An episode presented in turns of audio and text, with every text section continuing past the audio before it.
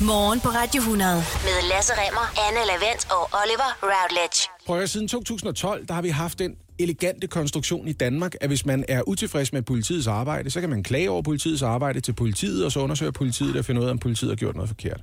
Ja, og det er ikke så meget sådan noget med, hvis man har fået en, hvis man er blevet klippet, for eksempel. Altså, hvis man har fået klippet kortet. Nej, nej, det er ikke det, vi snakker om. Vi nej. taler om, her opfører de sig helt forkert, de betjente, jeg stødt på. Og for at understrege, at det altså ikke er noget, vi skal være alt for irriteret over, så har man valgt at kalde klagemyndigheden for den uafhængige politiklagemyndighed. Okay. Og den hører altså under politiet. Ja. Øhm, den, Men de er uafhængige, vil de gerne lige påpege. Ja, ja, det er derfor, det ligger i navnet. Ikke? Så, ja, ligesom, ligesom du ved, øh, Nordkorea er en demokratisk republik, og det ligger i navnet, så det kan der ikke være nogen tvivl om. Sidste år behandlede den uafhængige politiklagemyndighed 2.699 henvendelser. Jeg har fundet en artikel, øh, som lige har, øh, har lavet et par nedslag i de henvendelser, og så tænker jeg, at jeg lige vil dele det med jer, fordi der er nogle ret pudsige ting imellem, ikke? Mm. Nogle af dem er den slags, der lyder som en ærgerlig komediefilm. Ikke? Som for eksempel øh, en enkelt sag, hvor en betjent stadigvæk efterforskes for at have vist sin pistol frem til to drenge. Skal jeg lige se, øh, skal vi se min gøb her? Og, og mens han gjorde det, kom han til at skyde sig selv i hånden. Nej. Nej. Og det er pudsigt, at vi lige skal have undersøgt, hvad der sker i den der situation, eller om han har opført sig uhensigtsmæssigt. Fordi man skulle da formode, mens han er sygemeldt, så kan man lige tage stilling til, at har du brug for en anden karriere, kammerat? øh, eventuelt som en eller anden form for, det ved jeg ikke, øh, Jesus paudist, der kan gå rundt og sige, se hullerne, jeg har i hænderne her. Det, øh, Eller måske noget mere kontororienteret arbejde. Ja, kunne man godt forestille sig, ikke? Øh, nogle af sagerne er sådan en lille smule pushy af, af den slags, hvor man tænker, det, det, det lyder det lyder som smålig adfærd, hvis det er rigtigt. Det her er en enkelt betjent, som faktisk er blevet sigtet for i sin arbejdstid at have stjålet en ramme sodavand til en værdi af 80 kroner i et supermarked. I sin arbejdstid, skal vi lige understrege igen. Og her skal vi jo også lige huske på, at det er ikke alle betjente, der går i fuld uniform. Han kan have været en civil betjent, der lige har tænkt, jeg skal have en uh, ramme Pepsi Max med. Er det ikke hårdt at miste Ej. hele sin karriere for 24 dåse sodavand? Åh, oh, men det er også dumt. Ja, det øh, vil jeg sige, det, der findes ikke nogen undskyldning for det her. Altså, det, det lyder meget mærkeligt. Altså, vi er kommet så langt, at det her det er faktisk en af de sjældne sager, hvor den uafhængige politiklagemyndighed øhm, beslutter sig for, at der er noget om snakken her, fordi han er blevet tiltalt, og de venter, øh, at sagen den kommer i retten. Og det er jo også en stor ting, ligesom at sende noget i retten. For, for 80 kroner. For 80 kroner? For 24 det... sodavand. Men det er jo det, han er betjent, ikke? Prøv at en ja. af de sager, som DUP har fået flest henvendelser om, det er en sag fra 2018, og jeg ved ikke, om I kan huske den. Det var dengang, der var alt det her snak om, at vi havde gennemført et maskeringsforbud, som vist nok først og fremmest havde til formål at ramme kvinder, som øh, går ind i kap. Ja. Mm. Mm. ja. Og ved den lejlighed, der var der en moddemonstration. Der var der nogle kvinder, der dukkede op, klædt i det tøj. Nogle af dem, fordi det gør de til daglig, andre i solidaritet. Og I kan sikkert huske det pressefoto, øhm, hvor en kvindelig betjent omfavner en kvinde iført niqab. Ja. Ja, det er rigtigt. Det kan jeg godt huske. Det, det var, på det var over plads. det hele. Og der er få sager, DUP har fået så mange henvendelser om som den her, eller som de udtrykker det, vi har fået flere klager. Mm. Øhm, da de så undersøger det, så beslutter de sig for, at det, altså, det skærper henvendelsen, at det her det er sket under en politisk demonstration. Og det kunne tolkes sådan, at, øh, at betjenten tager stilling i den her sammenhæng. Men kvinden har så selv, den kvindelige betjent har selv forklaret, at hun gjorde det for at trøste den her nikab klædte kvinde. Og DUP konkluderer, at betjenten handlede hensigtsmæssigt. Og prøv at høre. Hvis der overordnet set er en ting, vi godt kan lide som befolkning, at politiet gør, så er det at vise et menneskeligt ansigt og en gang mellem håndtere ting med konduite. Så vi ikke havner i en amerikansk situation, hvor nogen trækker nogle knibler og begynder at pryle en eller anden for at have samlet et stykke legetøj op for en hylde og ikke lægge det fra sig igen med det samme. Han siger, løb det legetøj fra dig, løb det fra dig, eller bryler dig.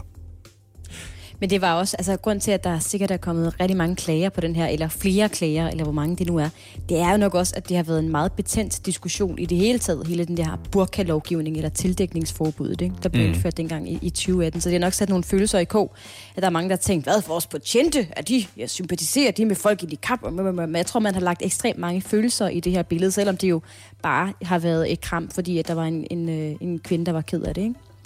Man kan sige, at bagsiden af den her menneskelighedsmedalje, den ser man i en anden sag, DUP at forholde sig til. I forbindelse med en anholdelse, så var der en betjent, som lige snapper et selfie øhm, og skriver teksten for første gang med en anholdt, som jeg har lyst til at kvæle.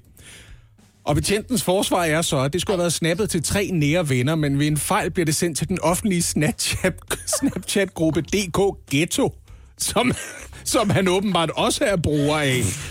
Hvor brugere de så kan se og indsende billeder. Og DOP konkluderer, ikke overraskende, at det her billede er meget beklageligt, og betjenten overtrådte dekorumkravet, eller værdighedskravet. Det er så blevet afgjort disciplinært med en i rettesættelse. De har lige haft betjenten ind og sige, det, kan du lade være med det der med at skrive, at du har lyst til at kvæle borgere? Kvæle folk, du anholder. Nå, men jeg mener, når jeg mener, at det her det er bagsiden af den medalje, så er det jo fordi, det er jo også et menneskeligt ansigt. Vi kan jo alle sammen blive frustreret på vores arbejde. Men altså, hvis forsvaret det er, ja. nej, nej, nej, det var kun nogle kammerater, der skulle se, at jeg havde lyst til at kvæle en, jeg lige har. Ej, det, det, er, det, det er en bummer. Det er en bummer, det er de større, vil jeg sige. Ja, den er ikke god. Ja, hvis du får et glas vin sammen med nogle kammerater, så kan jeg da godt se, at der er nogen, der siger, prøv at høre her, for tre dage siden, mand, der var en. Ja. kæmpe idiot, mand. Jeg havde bare lyst til, jeg ved ikke, hvad jeg skulle have gjort i den her situation. Men måske ikke bruge sociale medier til det. Men det, er, det er meget nemt at sige, når man ikke selv er betjent, ikke? Jo. Og når alt det er sagt i øvrigt, altså... Tak for det benhårde arbejde, der bliver lagt i uniform rundt omkring i øvrigt. Det er bare nogle vilde sager, det her. Det var det. Jeg er lidt af et madør, og derfor så har jeg også sat kryds i kalenderen og glædet mig til i dag, hvor restauranterne altså endelig genåbner. Dog selvfølgelig på betingelse af, at de følger en række retningslinjer fra sundhedsmyndighederne. Og dem er der nogle stykker af. For eksempel så bliver der stillet krav om, hvor mange kvadratmeter der skal være per gæst, hvor store de enkelte selskaber må være, og hvor længe stederne må holde åbent. Godmorgen, Katja Østergaard. Godmorgen. Du er administrerende direktør for Horesta, som jo blandt andet er øh, brancheorganisation for netop restauranterne. Så restauranterne genåbner i dag, dog med en række forbehold. Blandt andet er det et krav, at restauranter med siddende gæster skal have to kvadratmeter til rådighed per person. Er alt klappet og øh, klart i dag? Alt er klappet og klar til i dag. Ja, vi fik retningslinjer sent torsdag eftermiddag i sidste uge og har forberedt åbningen over weekenden med afstandsmarkeringer, produktion af skilte til, hvor mange der maksimalt må være i lokalerne osv. osv. Så ja, vi står med en branche, som er meget klar til at modtage gæster igen. Katja Østergaard, nu har restauranterne jo været lukket i, i, i to øh, måneder.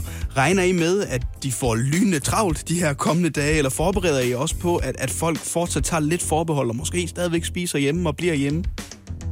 Jeg tror, det bliver en kombination. Øh, jeg har talt med en række restauranter øh, her over weekenden selvfølgelig, og flere af dem melder, at de har mange bookinger på, øh, på bordene her i den kommende uge. Ikke bare i dag, men, øh, men i ugen og også ugerne frem. Og samtidig med, at man jo også afventer spændt, hvordan er reaktionen egentlig i det, jeg kalder folkedomstolen? Altså er danskerne fortsat afventende med at gå ud? Så, så det er lidt en kombi og, og sommerfugl i maven, ved jeg, hos rigtig mange af, af restauranterne i dag. Når det er sagt, så er der jo i hvert fald en, en stor gruppe, som vi med sikkerhed ved, at vi kommer til at mangle. Og det er alle de udenlandske turister, så længe de har lukket grænser. Øh, de lemmer altså immer væk en omsætning på 38 milliarder her over de kommende måneder, så det er jo ikke en, en helt uvæsentlig gruppe at mangle, øh, må man sige, for hele vores branche. Og, og så har vi jo altså også forsamlingsforbuddet ikke, på, øh, på 10 stadigvæk, så alt, hvad der hedder private selskaber og den størrelse, møder, og konferencer, store event, det er også væk. Så, så altså, vi skal have danskerne meget ud, øh, uendelig meget ud, for at vi bare kommer i, i nærheden af det forretningsgrundlag, som vi stadigvæk mangler. Og i den forbindelse, jeg øh, bemærker, at der er nogle restauratører, som siger, at de her retningslinjer gør, at hvis vi åbner på de vilkår, så kan vi stadigvæk ikke få tingene til at løbe rundt. Det er simpelthen for dyrt for os at åbne øh, under selv de her nye vilkår. Øhm, hvordan efterlader den her coronakrise egentlig restaurationslivet i Danmark, hvis vi kigger et par måneder frem? Altså, vi har jo haft nu øh, godt to måneder med fuldstændig lukket, og det vil sige nul i omsætning. Og selvom vi har fået gode hjælpepakker fra regeringen, for det har vi bestemt, som har været med til at, at holde hånden under virksomhederne, så er det jo altså måneder med store tab, for der har stadigvæk været, været store omkostninger for virksomhederne. Og de tab, de skal nu indhentes, og det skal de vel at mærke på et grundlag, hvor vi kan have færre gæster, øh, men dog okay i forhold til, hvordan retningslinjerne ellers kunne have set ud. Øh, og vi skal det med, med mindre indtjening, fordi som, som jeg sagde før, så mangler vi udenlandske turister og selskaber, møder osv. Så, så, øh, så det er en øh, ufattelig hård tid, og derfor har vi også på- påpeget, at der skal en ny hjælpepakke til at understøtte det her erhverv, som er så øh, ufattelig hårdt ramt. Der findes simpelthen ikke andre erhverv, har- som har mistet 80 procent af omsætningen, som restauranterne har, og 90 procent for hotelbranchen. Og nu er der jo ingen af os, der kan spå om, om fremtiden, men har du dit eget bud på, Katja Østergaard, hvornår restaurationslivet i Danmark er tilbage i fuldt vi gør? Ja, vi har en forventning om, at det kommer i hvert fald til at tage et år, før at man kommer tilbage på nogenlunde det niveau, som, vi, som lignede det, vi havde før øh, covid-19 for restauranterne. For hotellernes vedkommende kommer det til at tage endnu længere tid. Altså når vi sammenligner med, med finanskrisen, som jo var en, en dråbe i havet, altså man er nødt til at sige i forhold til alvoren af, af covid-19 her, så, øh, så tog det faktisk flere år for hotellerne, før de kom tilbage på samme omsætning. Så vi går en hård tid i møde, og vi går en tid i møde, hvor vi vil have behov for, at der i hvert fald øh, over året her gradvist udtages øh, hjælpepakker. Ellers så vil vi altså se flere, der ikke kommer til at kunne starte. Katja Østergaard, administrerende direktør for Horesta. Tak for din tid her til morgen. Velkommen. Morgen på Radio 100 præsenterer Det vidste du ikke, du gerne vil vide. Nej, og muligvis kommer du til at sige bagefter. Øh, nu ved jeg det, og jeg har stadigvæk ikke brug for at få det at vide. Fordi i dag, der kommer jeg til at fortælle jer endnu en af de der ting, jeg først for nylig erfaret selv, og så får jeg brug for at fortælle det videre til jer. Spændende. Øhm, hvor mange gange vil I anslå, mennesket blinker i løbet af en dag? Åh, oh, Gud. Hurtigt gæt. Langsom gæt. Bare giv mig et langsomt gæt. 2.000 gange. Det er mere. Det er Ja, det er mere. Det er, der, der, kunne, du kunne godt mærke det, hvis du sagde det, ikke? 20.000 gange. Det kan jeg lige. Anne, hvor ligger du henne? Ja. Jamen, jeg, jeg er lidt højere. Jeg vil gerne øh, hæve den og sige 25.000 gange. Prøv at høre, I ligger lige på the sweet spot, et sted mellem 20 og 30.000 gange i løbet af dagen, og det har noget at gøre med, øh, langt, langt, langt de fleste af os blinker 15-20 gange i minuttet, hver 3-4 sekund blinker vi. Og det er der selvfølgelig en række årsager til. Vi vil gerne lige fugte øjenæblerne og fjerne irritationsmomenter, nærmest græde dem væk og have en mulighed for lige at få dem ud i øjenkrogen, hvor vi kan knuppe dem væk med vores forhåbentlig renvaskede fingre, ikke? Ja. Men det er ikke det eneste gavnlige formål, blinkeriet har. Der er en grund til, når man laver sådan nogle blinkekonkurrencer. Nu sidder Oliver lige nu med Jeg fire fingre, som spærer hans øjne op. Jeg har ikke blinket i et min, ah, halv minut nu. tror jeg. Verdens dårligste rap-sang, det der. Jeg har ikke blinket i et halvt minut. Nu stoppede Der jeg. gider at høre. Prøv at høre. Uh, Ej, det går ondt. Ej, men det gør nemlig ondt, og jeg skal fortælle dig, hvorfor det er super ubehageligt. Det har ikke bare noget at gøre med, at du tillader dine øjne at blive tørre og irriteret på den måde. Det har også noget at gøre med, at hver gang du blinker, så har hjerneforskere fundet ud af, at hjernen oplever det som en meget, meget kort lur. Nå, Så du resetter stort set hver gang. Det vil sige, at et sted mellem 15 og 20 gange i minuttet, så har du lige brug for lige at tage en pause for det, du oplever. det er jeg lidt glad for at høre, kan jeg mærke. er det ikke det? Det er derfor sådan nogle øh, hvem blinker først konkurrencer faktisk føles udmattende. Det har ikke noget at gøre, øh, kun noget at gøre med, at dine øjne bliver sådan fysisk irriteret. Det har også noget at gøre med, at din hjerne på et eller andet tidspunkt tænker, vi har lige brug for en pause for det her. Vi det er for mange indtryk, det her. Det er for meget koncentration i træk. Mm. Og vi kan bedre koncentrere os, hvis vi sådan 15-20 gange i sekundet lige går ind og rebooter systemet. Undskyld, I 15-20 minuttet. gange i minuttet. Ja, ikke i sekundet. Ja, ja. Det er meget hurtigt blinket, kan jeg godt mærke. Det er... Så folk, der er blinker, også- har kort sagt brug for det, også af hensyn til deres koncentrationsevne, ikke? Men det er ligesom, kender ikke det, når man ser nogen, for eksempel på fjernsynet, der, har, der ikke blinker rytmisk, som man plejer. Altså enten fordi de bare har spærret øjnene op konstant og bare sidder og stiger, så tænker man, nu må du snart blinke, og så bliver man fokuseret på det. Og andre, der blinker meget, altså sådan hele tiden, det kan også være lidt distraherende. Der er sådan en naturlig blinkerytme hos de fleste. Åh, oh, sikkert Så- som kodesprog. altså så Folk, man ser i fjernsynet, der ikke blinker. Sig det til Ellen Trane Nørbys ansigt. Gider du? Ej, det var faktisk, det var faktisk lige hende, jeg sad og tænkte på. Men prøv at høre, det er, fordi hun ikke har brug for en pause. Hun er en politisk maskine. Ja. Ja, kør bare derudad. Nå, men Så vidste I det. Det er ikke bare fordi, man gerne vil af med støvkorn og andre irritationer og sørge for at holde øjenæblet fugtigt. Det er simpelthen også fordi, hjernen har brug for det. Helt neurologisk.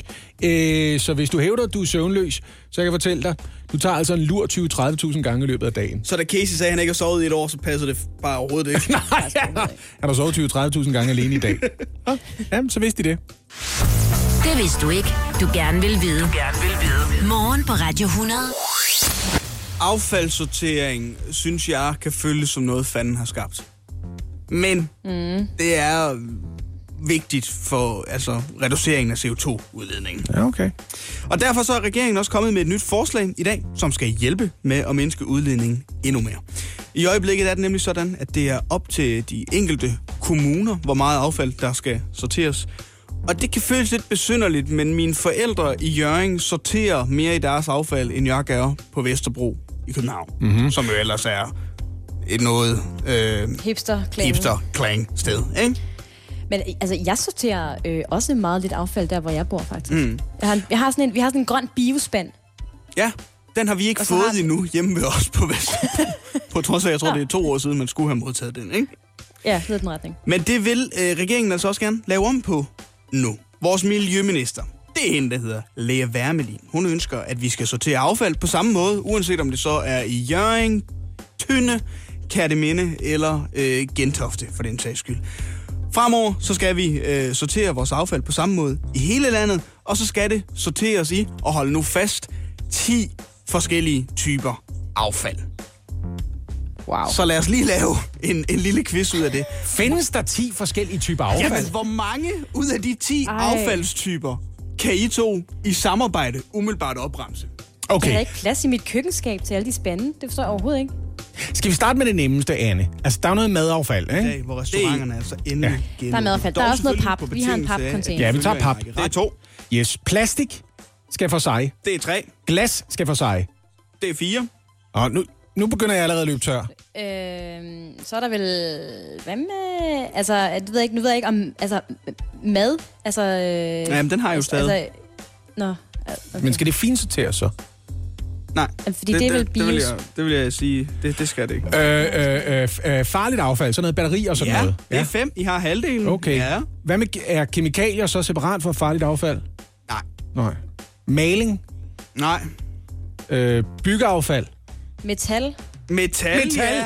Nice, Sådan. godt gået, mand. Ja. Stærkt gået der. Hvad så med træ? Har det også sin egen... Nej, øh, Nå, tre okay. har ikke noget. Okay. Tre. Nå. Er I, f- altså, Hvor mange har vi? I har seks.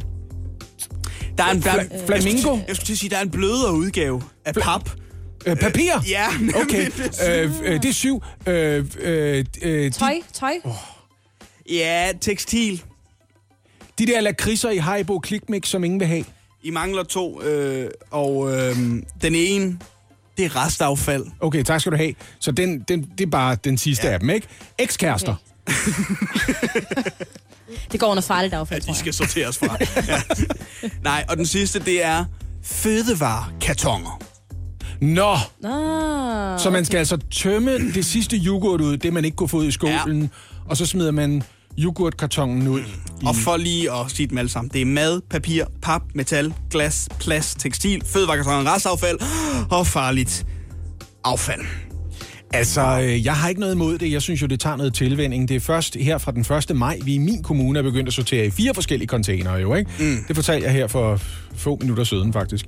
Um, og jeg er så heldig, fordi fase 2 begynder i dag, så er Line taget på arbejde, og I ved jo godt, hvor svært jeg har det med at fortælle hende, at der er nogle ting, hun måske kunne gøre anderledes, end hun gør. Ja. Så nu, øh, i stedet for, så siger jeg til alle andre end hende lige nu, fordi jeg ved, hun er på arbejde. Øh, når det gælder fødevarekartoner, ikke? Jeg fisker altid mælkekartonerne op af affaldet, når hun har smidt dem ud. Tømmer dem lige for luft, så vi ikke smider en liter luft ud og, og folder dem sammen, ikke? Så Godt tænkt. Ja, det, godt er, tænkt. det er rigtig godt det er tænkt. meget nemmere end at Så fortælle kan der være mere. Ja. Det, er godt, det, det her det er også mange, 10 forskellige typer affald, men du behøver ikke være bange for, Anne, at dit øh, vindue på Christianshavn, at du kigger ud af det, og du kun kan se affaldscontainer, øh, fordi for at nedbringe antallet af øh, affaldsbande i danskernes indkørsler, baggård, hvor end man nu bor, så vil det ifølge forslaget blive muligt at lave sådan en, en kombineret indsamling. Altså, hvor man smider det hele i den samme spand. Nej, men altså, papir, pap, metal, glas. Ja. Øh, hvor mange spande det enkelte hus eller en boligejendom får, det vil ifølge forslaget afhænge af, øh, hvad landets kommuner hver især beslutter. Så man Altså, tager, sådan, så man, tager den igen lidt og lægger den over på kommunerne og siger, det må I lige finde ud af. Ej, hvor er det sjovt. Altså, det forstår jeg ikke. Så, så man, får, øh, man får ikke 10 forskellige spande. Man får en spand, og så kan der måske være fem typer affald i den spand. Så skal den jo være ekstremt stor. Det, det er en mulighed, ja. Eller så får du tre spande, og så er der inddelt i det en tre-fire forskellige rum. Om det vilde af det hele, det er, at jeg har set, at de gør det for at gøre affaldssorteringen nemmere for os. Mm. Jamen, det er, det er ikke... Så kan I jo gøre det endnu nemmere ved at lave 50 forskellige kategorier. Er det ikke sådan, vi gør? Jeg ved ikke, om der følger et bidrag med til et større køkken ifølge det her nye forslag. Oh. Men der er i hvert fald pressemøde i dag kl. 11.30, hvor Lea Wermelin, miljøminister, sammen med klimaminister, det er Dan Jørgensen, vil præsentere det her forslag i sin helhed. Og der er en mand, der tager en masse middagslure i løbet af dagen, du. Det er jo nærmest et langt blink, han præsterer. Det du kender. Hjælp en, du holder af med at tage det første skridt til bedre hørelse. Få et gratis og uforpligtende hørebesøg af Audionovas mobile hørecenter.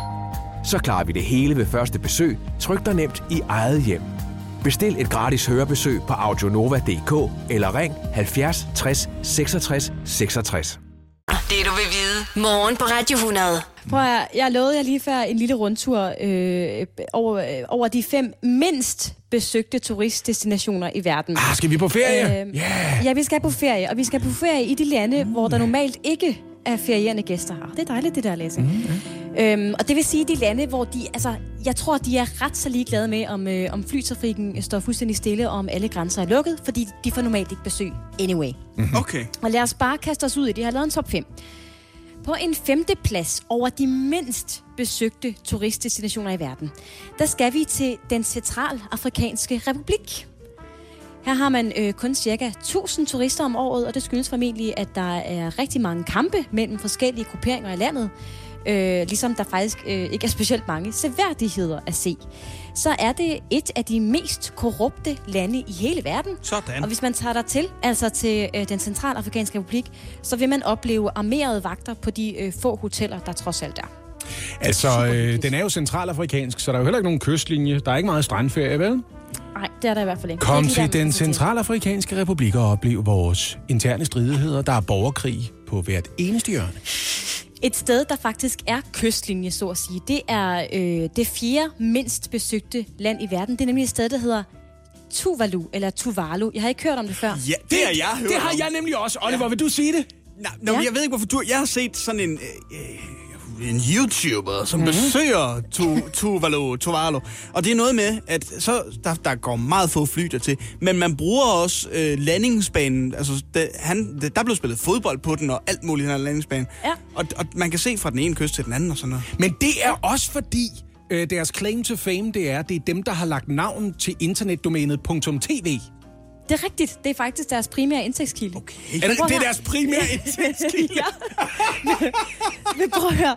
Uh, Tuvalu, eller Tuvalu, er en østat i uh, Polynesien i Stillehavet med ca. 11.000 indbyggere. Og som du siger, Oliver, det er ekstremt svært at komme dertil. Der lander der uh, så flå fly, at man bruger landingsbanen på øen uh, som fodbold- og volleyballbane. Og mm. om natten, der sover mange af indbyggerne på landingsbanen på ja. deres sivmåtter, fordi der er mere køligt end i deres huse. Wow. Så øh, ja, meget afsides sted, som har en lidt speciel indtægtskilde. Det tredje mindst besøgte land i verden, det er Libyen. Det skulle faktisk være et ret dejligt land, sådan overordnet set, men øh, lige nu så er der jo altså militser, der øh, kæmper i hele landet om magten. Der er borgerkrig, ja. og det gør Libyen til et øh, lidt mindre attraktivt øh, turistland. Og så er det faktisk overhovedet ikke muligt at komme ind på et turistvisa lige nu. Det eneste, den eneste måde at komme ind i landet på, det er ved at skaffe sig et forretningsvisum. Øh, så ja, ikke, ingen grund til at tage til Libyen. Ej, det er også trist. Tripoli, det var sådan et fantastisk sted tilbage i 1960'erne, ikke? Men ikke længere. Jo. Nej. Det skulle være meget smukt. Ja. Det er totalt udlagt. Nå, det næst mindst besøgte land, det er nok også et, I har hørt om, øh, ligger ekstremt afsides med kun få ugenlige flyvninger dertil. Det er Nauru i Stillehavet, 5 timers flyvning nordøst for øh, Det er Brisbane i ikke Australien. .nu, fordi det ville være new. Øh, nej, det har jeg faktisk ikke hørt om. Jeg har ikke hørt om det før. Øh, jeg kan fortælle, at Nauru har i en kort, en meget kort periode været verdens rigeste land per indbygger, fordi der var øh, meget fosfat på øen. Men nu er det her fosfat øh, sluppet op, og nu er landet øh, et af de fattigste. Den primære indtægtskilde på Nauru er dog at drive flygtningelejre for Australien. Nå, det er den ø, okay. Yes. Ja, og så Ja, har de fundet ud af fordi- det i stedet for... Men prøv at høre, altså, det er her, man skal lytte rigtig grundigt, hvis man er saudiarabisk prins lige nu, ikke? At det kan blive jer lige om et øjeblik. Ja, Jamen, det er rigtigt. Men prøv at høre, øh, Nauru har, de, har mange nok hørt om, fordi det er jo der, man i Australien vælger at sende flygtninge til. Hvis de kommer til Australien, så bliver de sendt til Nauru, og så man rigtigt, ja. afgør man deres, øh, deres øh, vederskæbne derfra. Det Prøv at- vi mindst skal til- besøgte land. Ja, førstepladsen. Verdens kan- mindst besøgte land. Er det Lolland? Er det Mongoliet? Tæppeland? Det er Yemen. Yemen! Selvfølgelig. Yemen. Alt er helvede Ja. til Yemen lige for øjeblikket. Jamen det er det. Verdens øh, største humanitære katastrofe øh, bliver Yemen lige nu defineret som, fordi der har været borgerkrig i rigtig mange år. Mm. Øh, der er øh, store problemer med, at en meget stor andel af indbyggerne tykker kat det meste af dagen. Man har ikke rigtig øh, kunne få ting til at fungere der i øh, mange år. Og det betyder, at Yemen altså er det mindst besøgte turistland i verden med 60 turister om året. Hold da op! Ja. Men altså, de 60 turister, jeg har lyst til at samle dem i et lokale og stille dem nogle spørgsmål. Hvor, hvad, ja, hvor har du købt rejsen henne, og hvordan fik du den idé? Det lyder meget mærkeligt. Og hvorfor? Ja, præcis. Ja. Og hvor bor man? Kunne det tænkes, at det er folk, som bare har svaret pleasure i, øh, i tollen, fordi de synes, at det var for besværligt at sige business? Ja.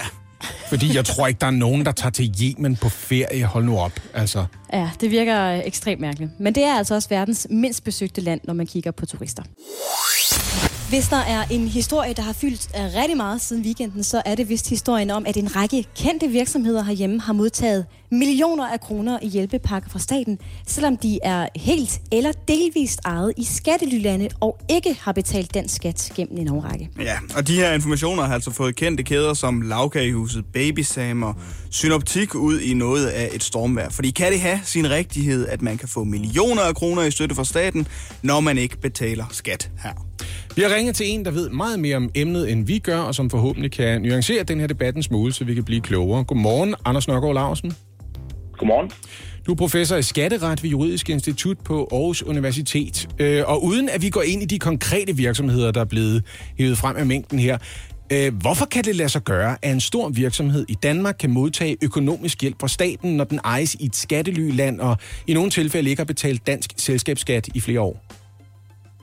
Ja, først og fremmest kan man jo sige, at det her med at modtage økonomisk hjælp fra staten, altså det gør de virksomheder, som jo er berettiget til det. Altså staten udstikker, udstikker nogle rammer, og de rammer, dem følger virksomhederne så.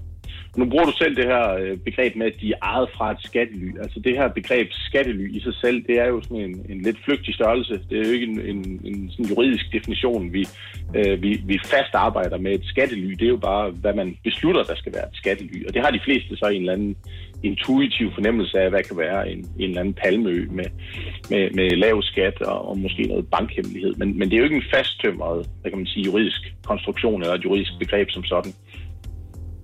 Men hvorfor er det egentlig ikke ulovligt for, øh, for de her virksomheder at være helt eller delvist ejet i de lande, der, som, altså, der er jo betragtes som skattely, eksempelvis øh, Caymanøerne eller Luxembourg? Øh, jamen, først og fremmest er det vigtigt at forstå, at det her med skattely og brugen af skattely, øh, det, det er ikke nødvendigvis i sig selv øh, odiøst eller et problem. Øh, nogle af de øh, koncernstrukturer, man ser, hvor at Øh, man siger, man kanaliserer penge over for eksempel Caymanøerne, jamen der har investorerne, øh, som ofte kværer både danske og udenlandske pensionskasser, øh, besluttet ligesom at samle deres øh, investeringer og viden via de her øh, skattely, altså Caymanøerne, simpelthen med henblik på at undgå øh, dobbeltbeskatning. Øh, og det, det er sådan set noget, alle er enige om, at det bør man øh, undgå. Øh, det andet eksempel, du brugte, det var Luxembourg, og der kan man sige, at Luxembourg er jo et land, som er medlem af EU.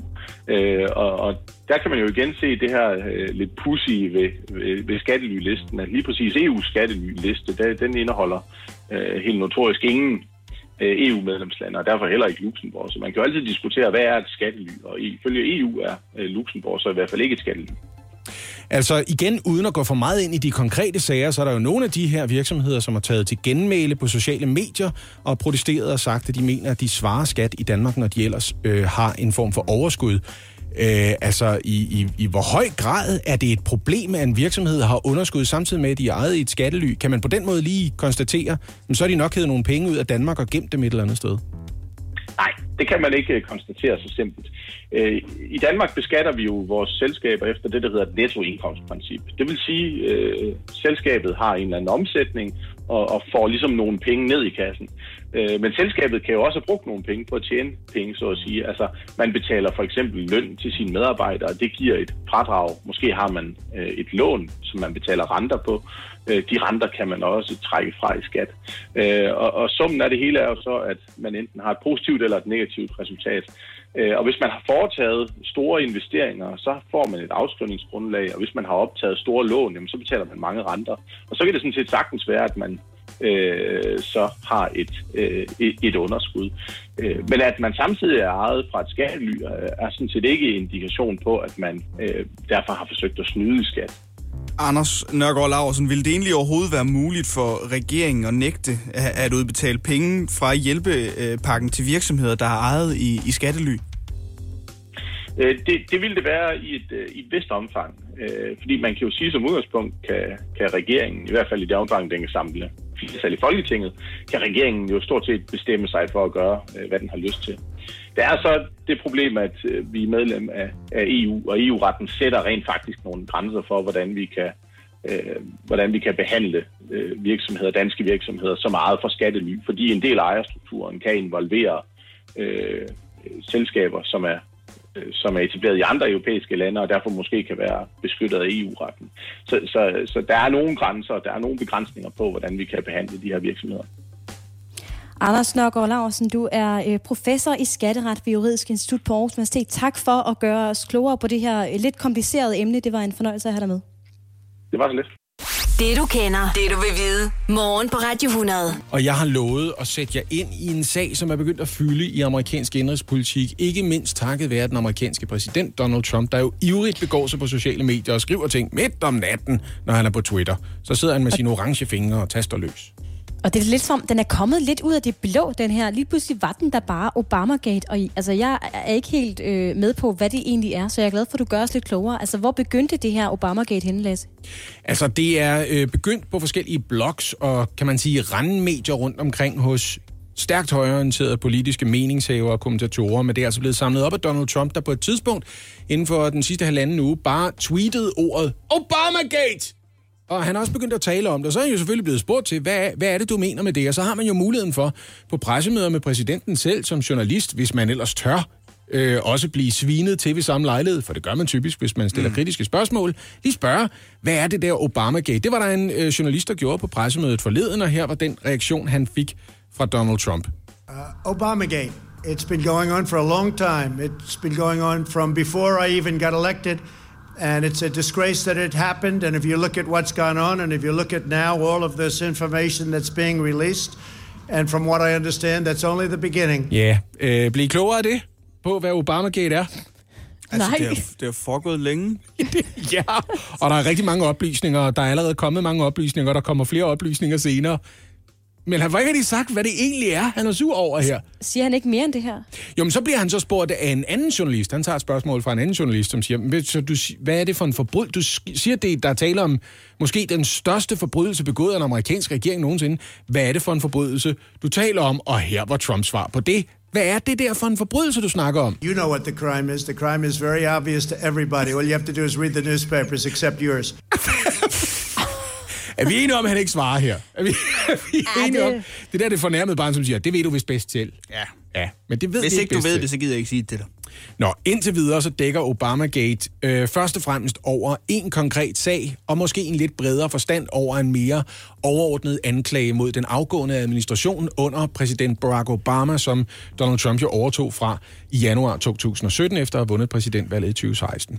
Øhm, det drejer sig primært om FBI's undersøgelse af folk i kredsen omkring Trump, en undersøgelse, der handlede om at undersøge, i hvilket omfang Trumps kampagnestab stod i ledtog med Rusland og Ruslands forsøg på at påvirke præsidentvalget i 2016. Et ret vellykket forsøg, som de blandt andet benyttede sociale medier og trolls til rundt omkring, som gik ind og prøvede at påvirke øh, stemningen, øh, blandt andet på Twitter, ved at blande mm. sig i politiske debatter rundt omkring. Ja. Især handler det om en tidligere general, der hedder Michael Flynn, Flynn har arbejdet som rådgiver for Obama i sin tid, men han mistede så jobbet, og allerede før Trump blev indsat som præsident, så lugtede Flynn muligheden for fornyet indflydelse ved simpelthen at skifte side og begynde at arbejde for Trump i stedet for. Og også allerede før Trump blev indsat som præsident i januar 2017, der var Flynn begyndt at arbejde for ham politisk. Og det er en skidt idé. Ved et rent tilfælde så har FBI samlet en telefonsamtale op, fordi de aflytter forskellige mennesker, som det kunne være interessant for USA's regering at holde øje med. For eksempel Ruslands ambassadør i Washington. Ja.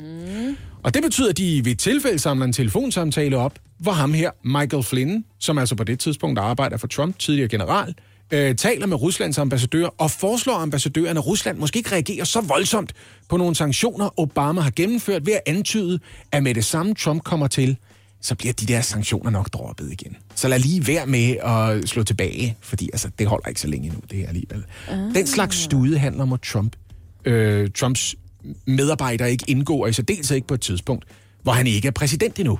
Altså, man må ikke begynde at gøde jorden på den måde. Han har ikke Nej, overtaget embedet, vel?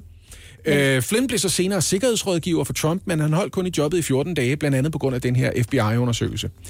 Og det Trump mener, når han taler om Obamagate, det er, at han i det hele taget mener, at Barack Obama i løbet af de sidste par måneder, han sad som præsident, som en såkaldt lame duck præsident, altså en vingeskudt and, der egentlig ikke kan flyve længere, fordi han allerede øh, sidder og venter på, at en navngivet ny person, Donald Trump, skal overtage øh, embedet. De sidste to måneder, der må man ikke rigtig lave noget politisk, fordi det er ikke meningen, du skal være præsident længere.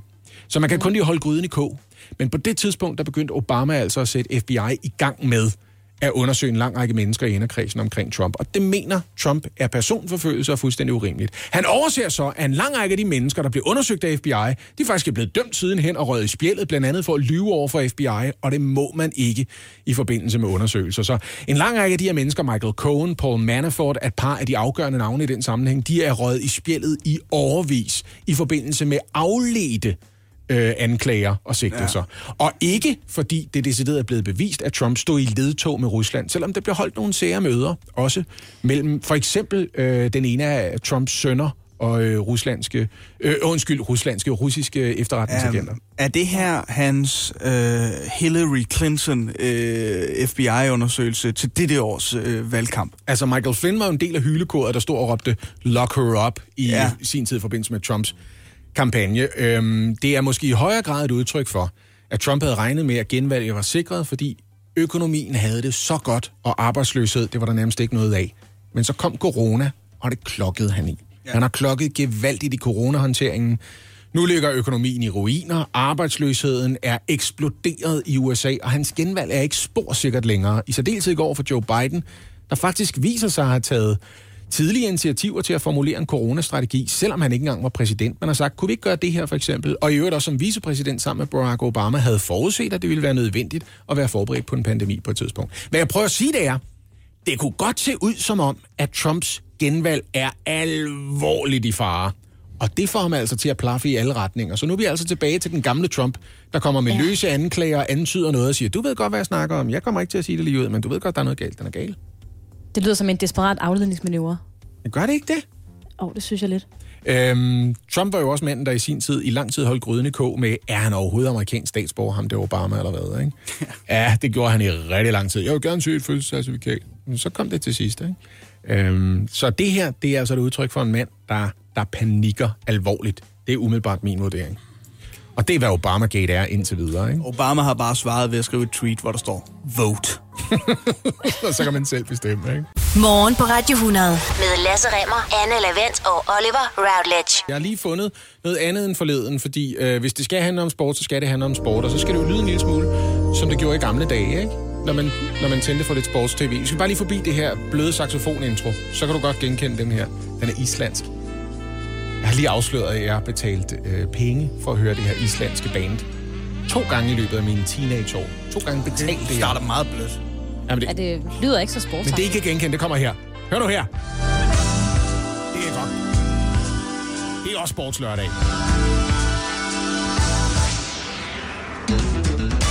Det der, det, det er sportslørdag. Ja, det er rigtigt. Det er næsten for festligt taget betragtning, hvad historien handler om. Så jeg, Lidt. Ja. Ja, det, må jeg, det må jeg ærligt indrømme.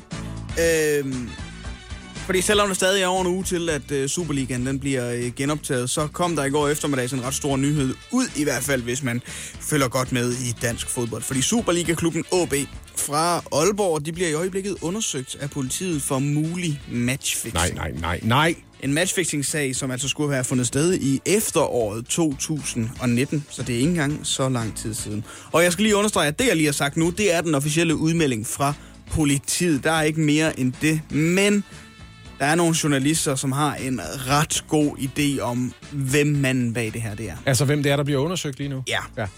Hmm. Sagen skulle nemlig øh, angiveligt dreje sig om det gule kort, som OB's forsvarsgeneral Shorezo Kore fik og det gjorde han i de døende minutter af OB's kamp imod OB, altså i efteråret 2019. Her lavede øh, Shoris Okora en ret hensynsløs takling på OB's Oliver Lund, og det resulterede altså i et øh, gult kort til Shoris Okora. Der, altså, var der noget ved omstændighederne, der gjorde, at man tænkte, nå, det var lidt en nødbremse, for ellers så ville de have scoret, eller... Ja, det var en takling, der foregik lidt midt op på banen. Okay. Øh, så det var ikke sådan, man, man tænkte, okay, det var i sidste minut, du var nødt til at gøre det der. Okay. Øhm, ifølge blandt andet BT's kilder, som altså har været ude og, og dække den her historie, så skulle der være udbetalt et sekscifret beløb i alt hos flere bookmakere til altså folk, der har været inde og spille på det her, og altså har oddset på, at Shoris Okoro, han vil få sig et, et gult kort i kampen. Og, og, og indsatserne på netop det spil, øh, altså at en enkelt spiller får et gult kort, var noget større, end hvad man normalt oplever på den her type mm. spil. Okay. Så der er noget, der tyder på, at der er nogen, der har vidst, at det her kunne mm. ske. Lige Okay. præcis. Og, og det, er jo, det er jo sådan, at mange matchfixing-sager, de bliver opdaget. Jeg ved ikke, om I kan huske, men der var også en sag med Roskilde for mm. et stykke tid siden. Der gik pengestrømmen til Tyskland, hvor der var spillet ufattelig mange penge på Roskilde, en Roskilde-kamp. Skal man formode, at det er hos Danske Spil, de sidder i Brøndby og lige holder øje med, er der nogle unormaliteter her? 100%. Og ender det som en kæmpe stor udbetaling, så henvender vi os lige til politiet og siger, vi sad fuldt med i kampen. Det er bemærkelsesværdigt, at en forsvarsspiller vælger at begå så voldsom en takling mm. i en situation, hvor det virker unødvendigt, og hen mod slutningen af kampen, hvor der heller ikke er nogen risiko for, at det senere vil føre til et rødt kort. Lige præcis. Ja. Der, så det, altså, der sidder 100% nogle folk, om det er øh, Bet365, om det er Danske Spil, om det er Bet25, og hvad de øh, ellers hedder, så sidder der nogle folk ansat til at holde øje med, okay, er der nogle... Øh, altså virkelig høje indsatser for tiden, som der ikke plejer at være der, Ja. og nogle høje udbetalinger. Men Må jeg, må jeg ikke lige spørge om noget her, Oliver? Og det er simpelthen øh, bare øh, opklarende, fordi jeg ikke ved ikke særlig meget om det her. Ham her, Okroa, Ja. forsvarsspilleren, ham der ja. øh, ligesom øh, fik et gult kort. Mm. Hvilken interesse vil han have i det her? Får han så også nogle af de penge, der er blevet udbetalt, eller hvad? Det, det er alt, alt spekulativt, skal vi lige understrege. alt Ja, det fuldstændig her, alt ikke? Ja, selvfølgelig. Øh, det, ja, det vil, jeg, det vil jeg tænke, at han gør, hvis det er, han, han gør det. Eller så er det for at hjælpe nogle venner, der virkelig er penge. Det ved jeg ikke nu. ja. Øh, Men altså, i modsætning i hvert fald til, hvad man ser i mange andre matchfixing-sager herhjemme i landet, eller mange andre, dem der har været, så går pengesporet jo som regel altid. Sidste gang med Roskilde var det til Tyskland, med FC Vestjylland var det i Tyrkiet og sådan noget. Men den her gang, der går pengesporet til København. Mm. Det er simpelthen i København, at pengene de er endt.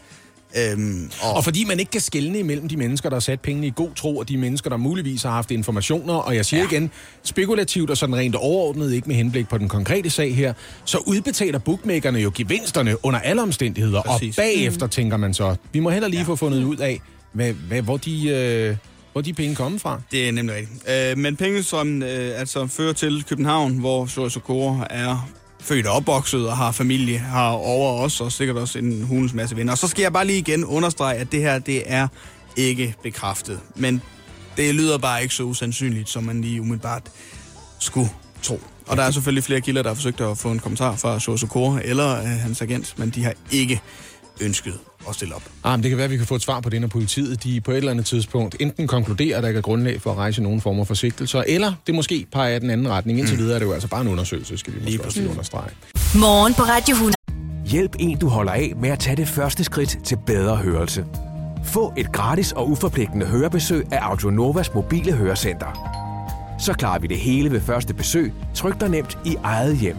Bestil et gratis hørebesøg på audionova.dk eller ring 70 60 66 66.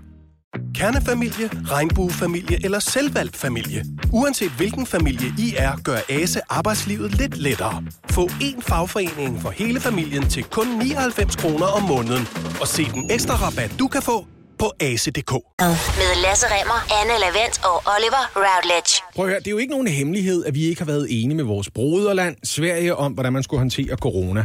De har sådan set lavet restauranter og så videre være åbne i rigtig lang tid. De har fortsat lavet børn gå i skole. Øhm, deres strategi var åbenbart, at hvis man blot lod smitten sprede sig, så ville flokimmuniteten på et tidspunkt for alvor sætte ind. Og der er noget diskussion om, hvor godt det har virket.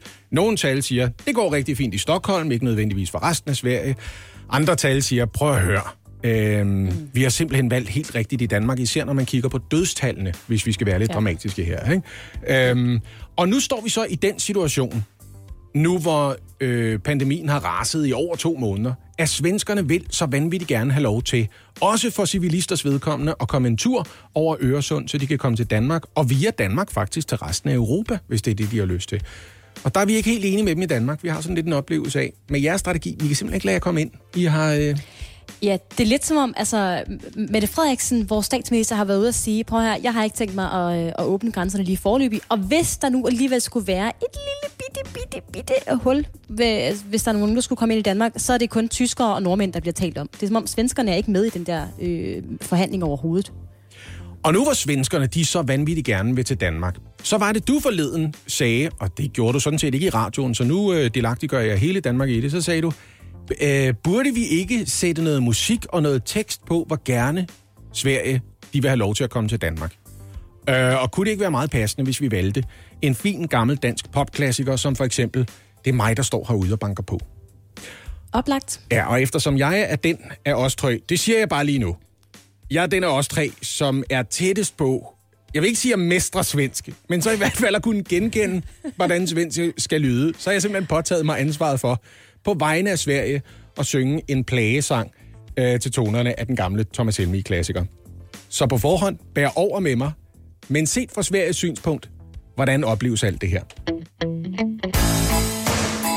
Jeg skal jo lige understrege, at der er jo et vanvittigt langt forspil på det her. Det er altså en Thomas Helmi, der er så populær, da han udgiver det her nummer i sin tid, at han tænker, folk de bliver hængende. Det er de fin tid til. De venter på Thomas-drengen på et eller andet tidspunkt. Ikke? Det gør de da også. Det, og det, det, det, være, det er dejligt at have så meget selvtillid. Han har givetvis også mere haten i, end jeg har. Nå, nu prøver jeg i hvert fald. När corona kom til Norden Då behövdes strategier Vi har ni valgte inte alls samma folk.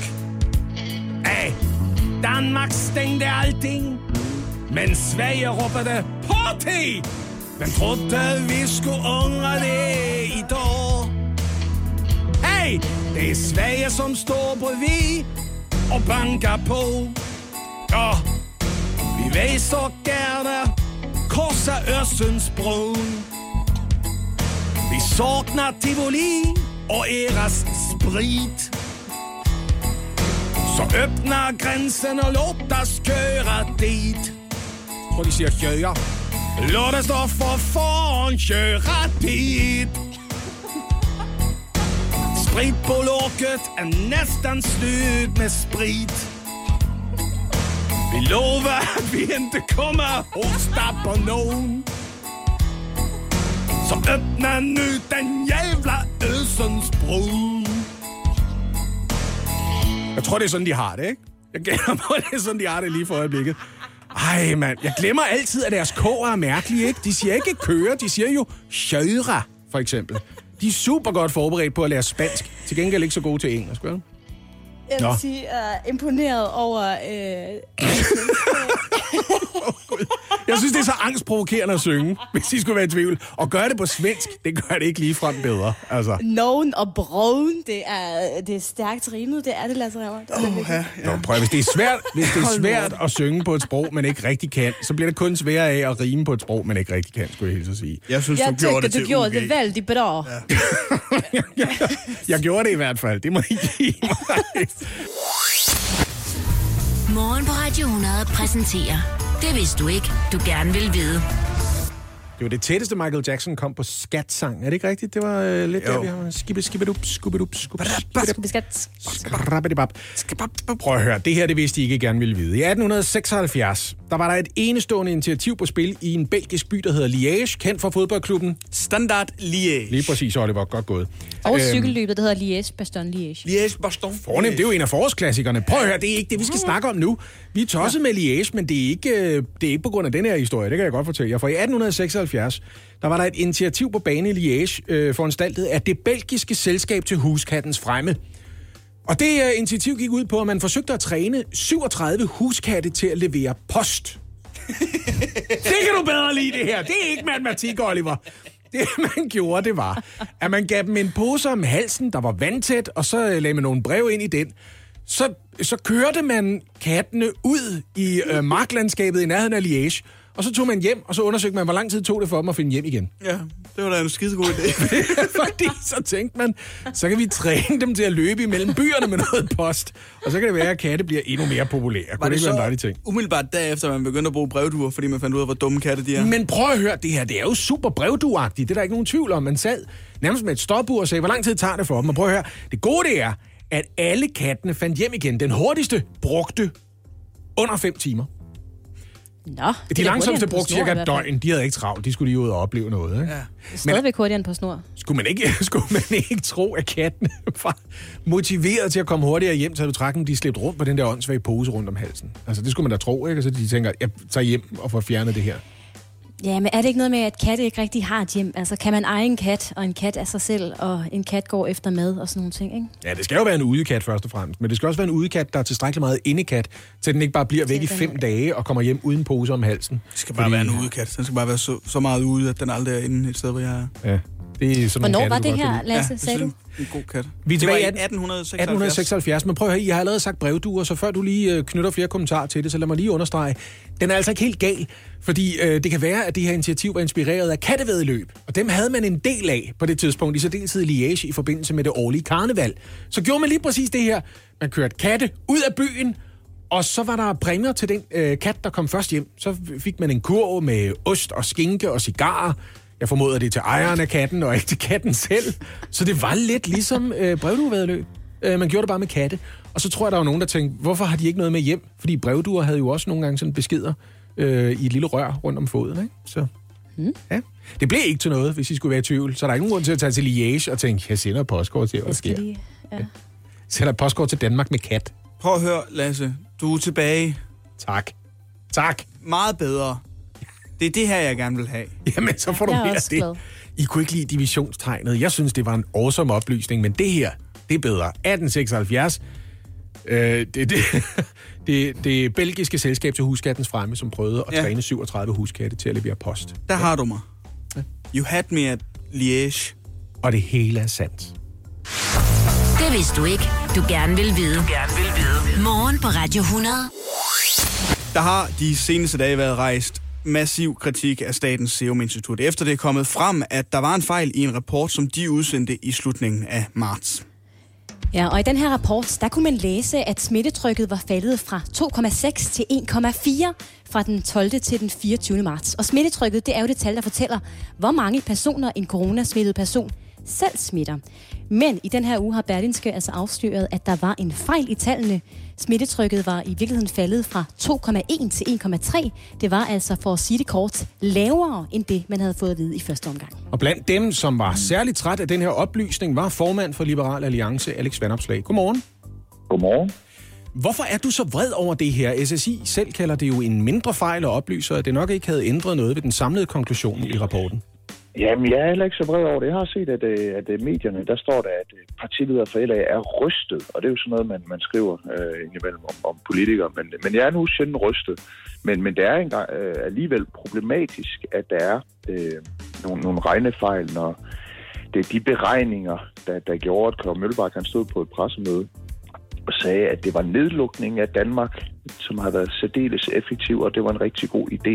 Og deraf kan man jo også udlede, at, at, at nedlukningen jo skulle fortsætte i lang tid. Og hvis man har baseret den konklusion på nogle forkerte tal, så kan nedlukningen have varet i længere tid, end hvad der var nødvendigt, og den kan også have været mere omfattende, end hvad der var nødvendigt. Så det er jo den ene del, som, som, som jeg synes er uheldig. Men det er jo, hvad det er. Der sker jo fejl. Det er bare frustrerende som politiker, at det er altid journalister, der skal grave fejlene frem, frem for at regeringen er åben og ærlig omkring de fejl, der er begået i processen. Så jeg synes egentlig, der er to ting, der er interessant i, i det her. Både, at der er begået en fejl, der er, er alvorlig, men også, at man forsøger at dække over egne fejl. Alexander Flak, hvis nu vi rent hypotetisk set skal lige give øh, Liberal Alliance regeringsmagten for en stund og spole tiden tilbage til marts. Hvis I på daværende tidspunkt havde haft det korrekte smittetryk, hvad skulle der så øh, have været lukket, og hvad skulle have været åbnet? Men jeg prøver, altså, det er jo altid nemt at være bagklog, og det er sådan en, en bagklogskabsøvelse, vi er ude i lige nu. Og jeg, jeg bryder mig næsten ikke særlig meget om det, fordi et eller andet sted, så, så det er jo svært at, at, at på beslutningstidspunktet med et begrænset vidensgrundlag at vide, hvad der er helt korrekt.